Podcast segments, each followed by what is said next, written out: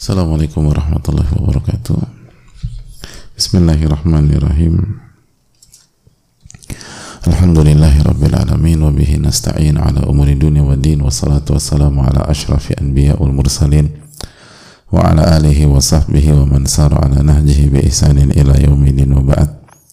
اللهم صل وسلم وبارك وأنعم على نبينا محمد وعلى آله وصحبه أجمعين. Hadirin Allah muliakan Alhamdulillah kita panjatkan puji dan syukur kita kepada Allah Tabaraka wa Ta'ala atas segala nikmat dan karunia Allah berikan kepada kita. Sebagaimana salawat dan salam semoga senantiasa tercurahkan kepada junjungan kita Nabi kita Muhammadin alaihi salatu wassalam beserta para keluarga, para sahabat dan orang-orang yang istiqomah berjalan di bawah naungan sunnah beliau sampai hari kiamat kelak sebagaimana kita meminta kepada Allah Subhanahu wa taala ilmu nafi dan dilindungi dari ilmu yang tidak bermanfaat. Dan meminta pertolongan kepada Allah Subhanahu wa taala agar Allah menolong kita, keluarga kita, orang-orang yang kita cintai, guru-guru kita,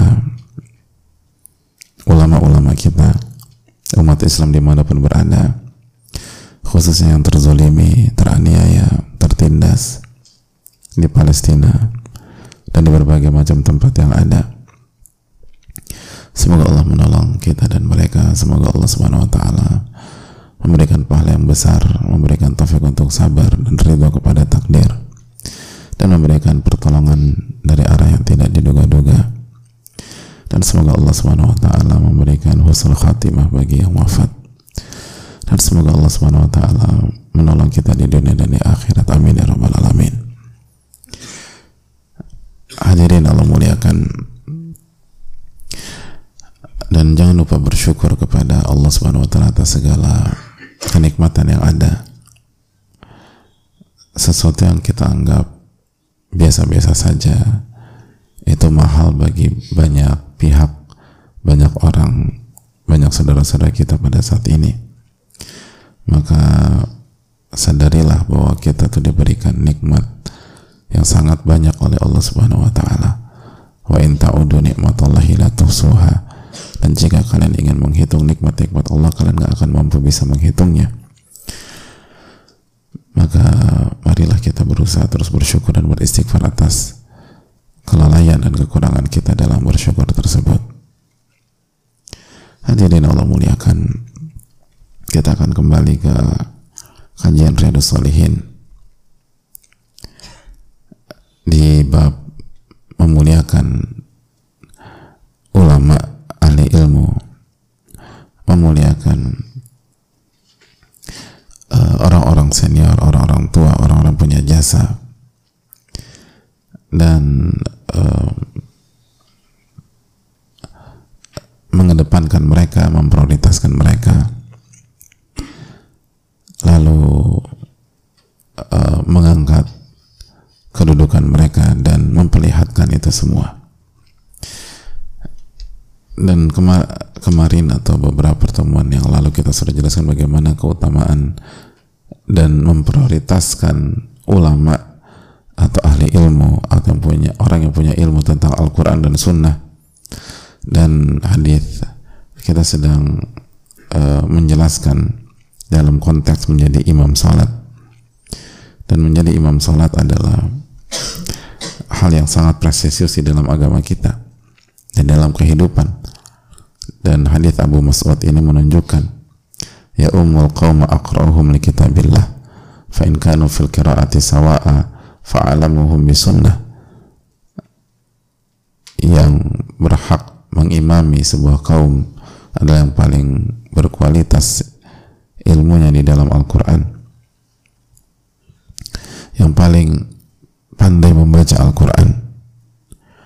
Dan kalau dalam membaca sama maka yang paling alim dalam sunnah Rasulullah SAW fa'in kanat kira'atuhum sawa atau fa'in kanu fi sunnati sawa'a fa'aqdamuhum hijratan.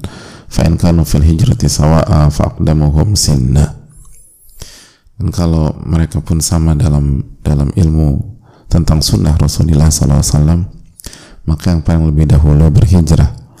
Dan kalau dalam berhijrah pun sama maka yang paling dahulu lahir atau yang paling senior usianya.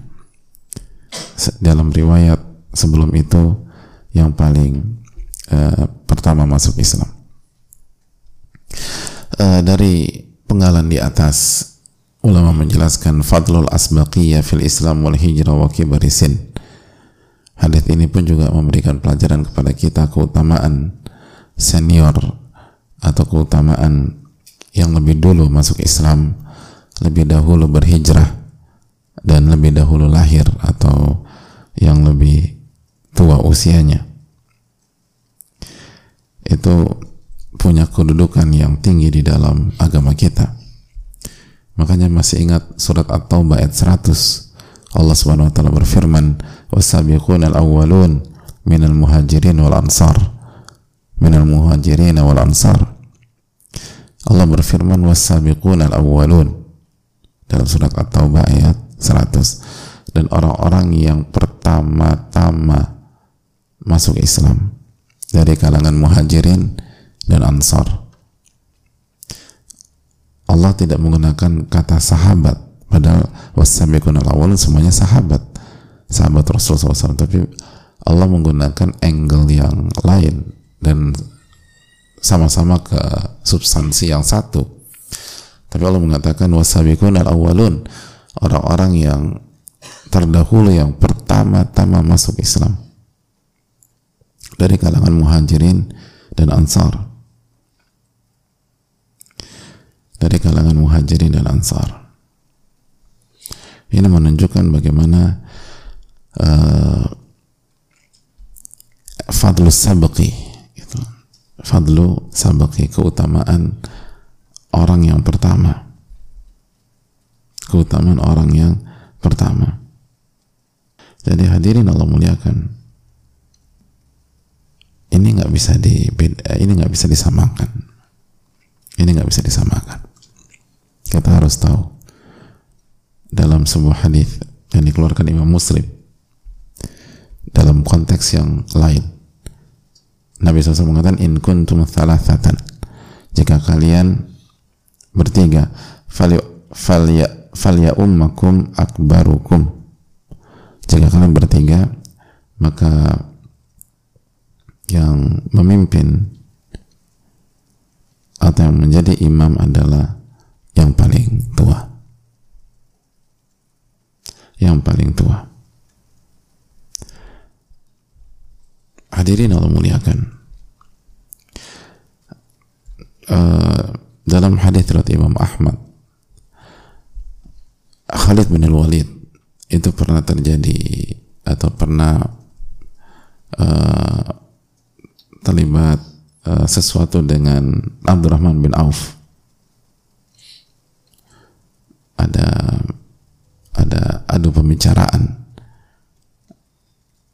antara Khalid bin Walid dan Abdurrahman bin ada dinamika di antara mereka berdua. Khalid bin Walid tahu kan siapa Khalid bin Walid? Panglima Rasulullah SAW yang sangat luar biasa. Dan Abdurrahman bin Auf. Abdurrahman bin Auf senior. Salah satu dari sepuluh sahabat yang dijamin masuk surga secara langsung dalam sebuah kesempatan. Senior Abdurrahman bin Auf. Ketika terjadi dinamika antara Khalid bin Walid dan Abdurrahman bin Auf maka uh, disampaikan bahwa Nabi kita alaihissalam mengatakan la tasubba ashabi jangan kalian celah sahabatku. Fawalladhi nafsi biyadi law anna ahadukum anfaqa mithla dha mithla ahli dhahaba mithla uhudi dhahaba ma adraka mudda ahadihim awla nasifa. Jangan kalian celah sahabatku. Dalam hadis muslim jangan kalian celah sahabatku. Kalau salah seorang dari kalian berinfak sebesar gunung Uhud. Dan seluruh infaknya itu berupa emas mitla Uhud yang dhahaba emas sebesar gunung Uhud yang panjangnya 7 sampai 8 kilo kurang lebih. Maka kalian tidak akan bisa menyamai mood salah seorang dari mereka atau setengah tuh begini gitu. Dua tangan digabung atau setengahnya. Jadi anda menginfakkan emas satu gunung Uhud itu nggak nggak bisa menyamai satu mut yang diinfakkan sahabatku atau setengah mut. Satu uh, dua tangan dijadikan satu atau satu telapak tangan. Gak ada pernah macam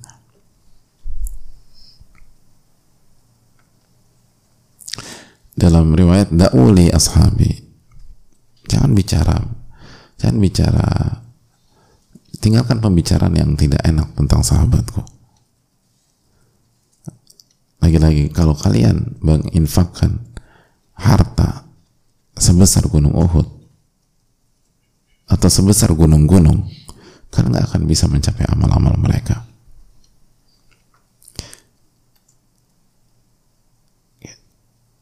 Sekali lagi konteksnya adalah Nabi SAW mengingatkan Khalid bin Walid dan kita semua tentang keutamaan sahabat Nabi SAW secara umum dan sahabat yang senior secara khusus. Jadi hadirin Allah muliakan. Nabi SAW sangat karena Abdurrahman bin Auf itu senior. Abdurrahman bin Auf itu senior. Jadi senior itu sangat diutamakan. Senior itu sangat diutamakan. Senior dari segi umur senior dari segi iman senior dari segi Islam senior dari segi beramal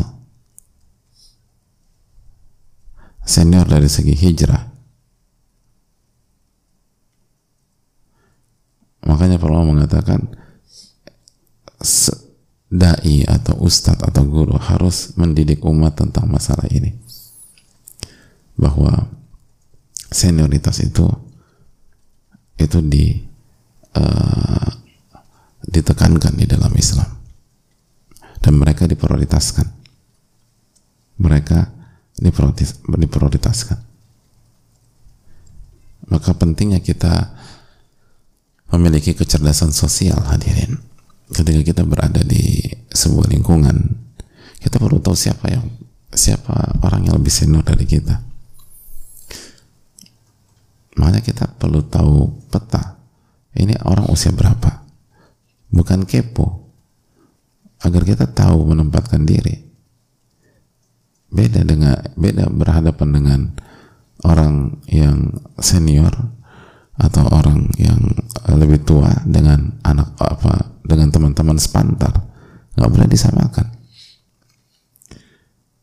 Terus uh, misalnya tahun berapa dia bertobat dan berhijrah misalnya? Oh dia lebih tua daripada saya. Kita harus beradab dengan dia. Oh dia lebih dulu daripada saya. Dia lebih dulu belajar daripada saya di lingkungan ini dia lebih lebih dulu di kantor misalnya kita harus ngerti kita harus tahu bagaimana bersikap sebagai junior ketika menghadapi yang lebih tua, yang lebih dulu masuk ke lingkungan tersebut, yang lebih dulu bekerja di sana. Walaupun posisinya di bawah kita. Tapi dia punya dia punya keutamaan dari sisi usia dan dari sisi lebih dulu berada di lingkungan tersebut. Itu fadlul sabuk itu ada. Dan kalau kita punya kecerdasan itu, Allah memberikan taufik kita memiliki kecerdasan sosial dalam hal ini dan kita punya kemampuan dalam positioning dan kita tahu bagaimana berbicara dengan yang lebih senior, bersikap dengan lebih senior, lalu menghormati mereka, memprioritaskan mereka dalam konteks yang tepat. Allah akan berikan taufik dan Allah akan berikan keberkahan. Gitu. Gitu. Itu hal yang penting. Banyak di antara kita nggak tahu. Apalagi kalau begitu masuk langsung posisinya tinggi. Arogan. So jago pintar sombong. Benar-benar di semua orang disikapi kayak eh, apa sebagai bawahannya. Direndahin. Orang kayak gini nggak akan berhasil. Dan bertentangan dengan sunnah Rasulullah Sallallahu Alaihi itu hal yang perlu kita tanamkan bersama-sama ini penting hadirin sekalian.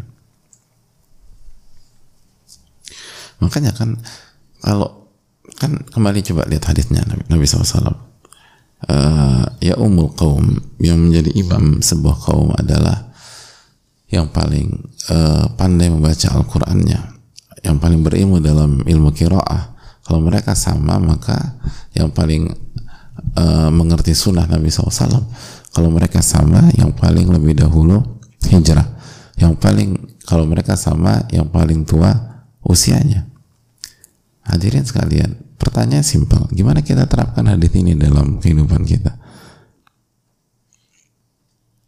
Tentu saja butuh data. Kita harus tahu siapa yang lebih tua dari kita. Kita ketika lagi jalan bersama-sama, lalu kita mau sholat gitu loh.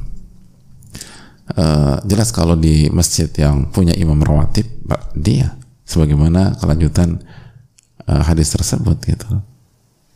Bahwa kalau kita sholat di wilayah orang atau di masjid yang sudah ditetapkan oleh imam ada imam rawatibnya maka itu yang menjadi menjadi imam. Jangan kita ngotot qomat wala ya ummanna ar-rajul fi sultani. Janganlah seseorang mengimam, mengimami orang lain di tempat kekuasaannya oh, di masjid sudah ada imam rawatib dia jangan kita ambil alih. Tapi ketika misalnya kita pergi ber, bertujuh, berdelapan, atau berlima, lalu uh, kalau dulu nggak bisa uh, atau nggak belum ketemu masjid ketika di awal waktu, begitu kita dapat udah jam satu sholat udah selesai, masjid sepi atau kita dapat kita dapat masjid jam empat misalnya. Oke okay, kita mau berjamaah di antara kita. Gimana cara kita ngamalin hadis ini? Kita kan harus tahu kita bertuju itu. Bagaimana kualitas bacaan Qurannya?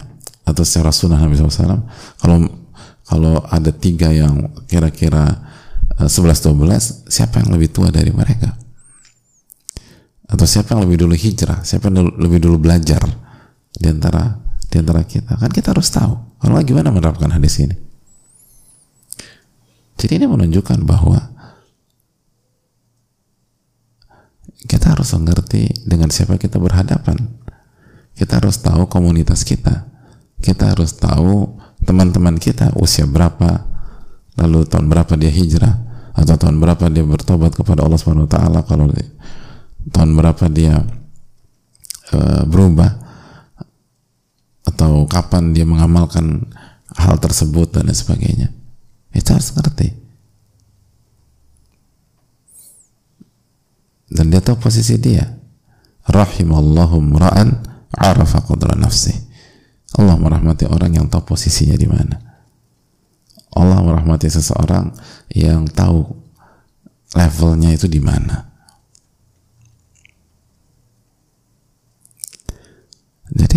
Kita bisa mengamalkan hadis ini kalau kita nggak tahu siapa dia, siapa ini, ini gimana? Kita harus tahu.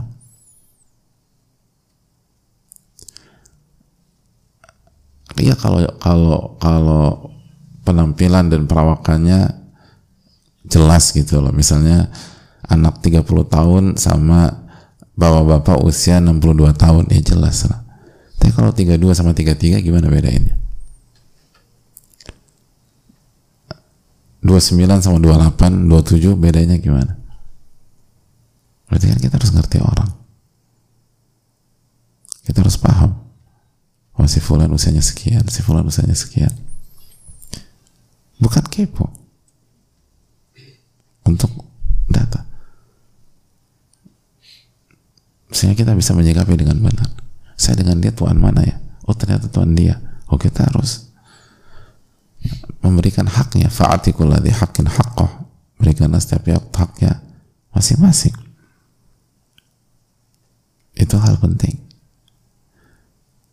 Dan kecerdasan seperti ini sering kali surut terkikis. Ya sudah tidak ada uh, atau perbedaan itu uh, sering kali luntur di masyarakat atau di pergaulan padahal nggak bisa. Ini sunnah Rasulullah SAW dan Allah akan berkahi Allah akan kasih rahmatnya kepada kita. Kalau kita mengerti ini dan bersikap seperti ini. Dan coba sekali lagi lalu ketika Allah, rahmat, Allah rahmati kita berikutnya kita akan diterima di masyarakat. Kita akan diterima di lingkungan kita coba tanya diri kita deh kalau misalnya ada anak baru petantang petenteng kita senang apa enggak? Gitu aja. Kalau ada anak baru masuk ke lingkungan kita tiba-tiba dia so jago segala macam karena merasa punya privilege dan uh, lain-lain. Dia nggak dia nggak beradab sama kita kita yang jauh lebih tua atau lebih senior. Kira-kira kita nyaman apa enggak? Mau pakai teori apa deh maka kata Nabi SAW la yu'minu ahadukum hatta yuhibba li akhihi wa yuhibbu li nafsi. Tidak beriman salah seorang dari kalian sampai dia menginginkan untuk saudaranya apa yang diinginkan untuk dirinya sendiri. Jadi hadirin Allah muliakan.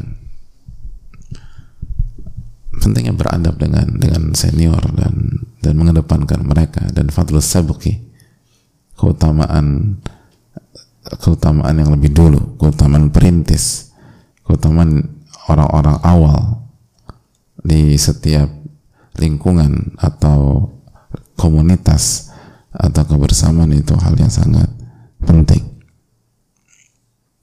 Dan kalau kita terapkan hal ini maka akan tercipta lingkungan yang penuh dengan respect, penuh dengan uh, suasana saling menghormati, penuh dengan keutamaan, uh, penuh dengan suasana saling menyayangi. Kenapa?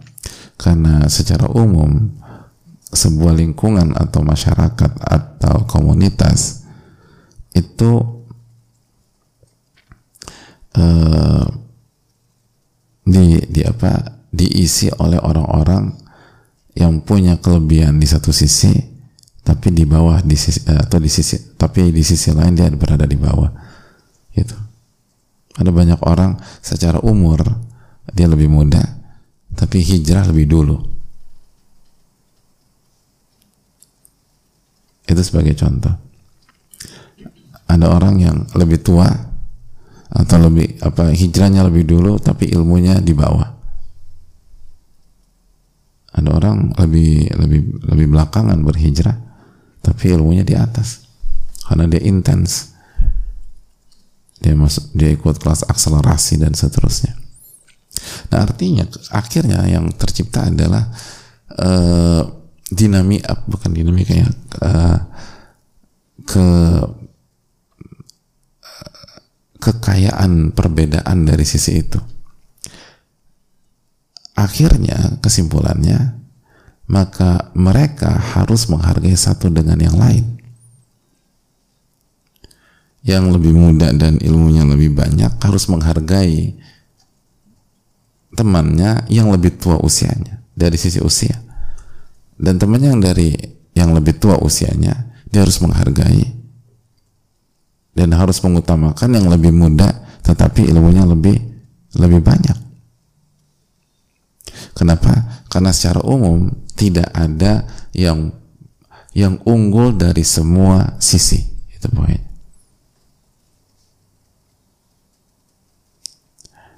Secara umum, mungkin ada satu dua, tapi secara umum. Tidak ada yang unggul dari semua sisi. ada tapi satu dua orang. Selebihnya enggak. Ada yang lebih tua ada yang lebih muda. Ilmunya lebih banyak dan seterusnya. Nah, ketika setiap setiap setiap person uh, mengetahui dan tahu diri dan tahu posisi, posisi dan tahu bagaimana menghormati orang, maka yang tercipta adalah lingkungan yang penuh dengan saling menghormati. Itu yang perlu kita camkan.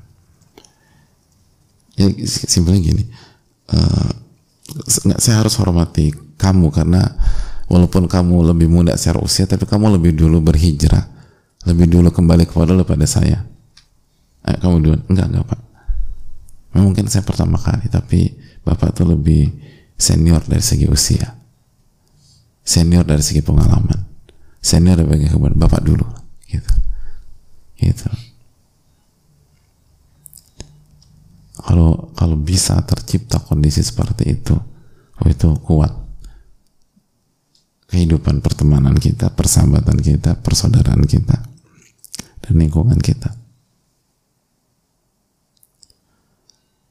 Jadi hadirin ini yang perlu kita tanamkan bersama-sama. Uh, kondisi yang penuh dengan respect, kondisi penuh dengan saling menghormati dan tahu diri. Dan ini akan menunjukkan kematangan seseorang, kedewasaan seseorang, dan kebijaksanaan seseorang. Allah taala bisawab. Saya rasa cukup sampai di sini. Assalamualaikum warahmatullahi wabarakatuh. Harta yang dapat mengantarkan kita pada kebahagiaan. Ada banyak ikhtiar dalam menggunakan harta pada hal-hal yang Allah ridhoi seperti mengeluarkan harta untuk beribadah, berinfak untuk keluarga terdekat, dan bersedekah untuk saudara-saudara yang jauh. Semoga setiap ikhtiar tersebut dapat menuntun kita pada kemudahan dan kebahagiaan dari Allah Ta'ala. Insya Allah, kita juga bisa bersedekah melalui program ragam aktivitas kebaikan Muhajir Project Peduli yang insya Allah bermanfaat. Semoga Allah memberkahi dan memberikan kebahagiaan di dunia dan akhirat. Raihlah kebaikan dan pahala bersedekah. Salurkan sedekah terbaik kita melalui CIMB Niaga Syariah 8600 1178 5800 atas nama Muhajir Peduli Indonesia.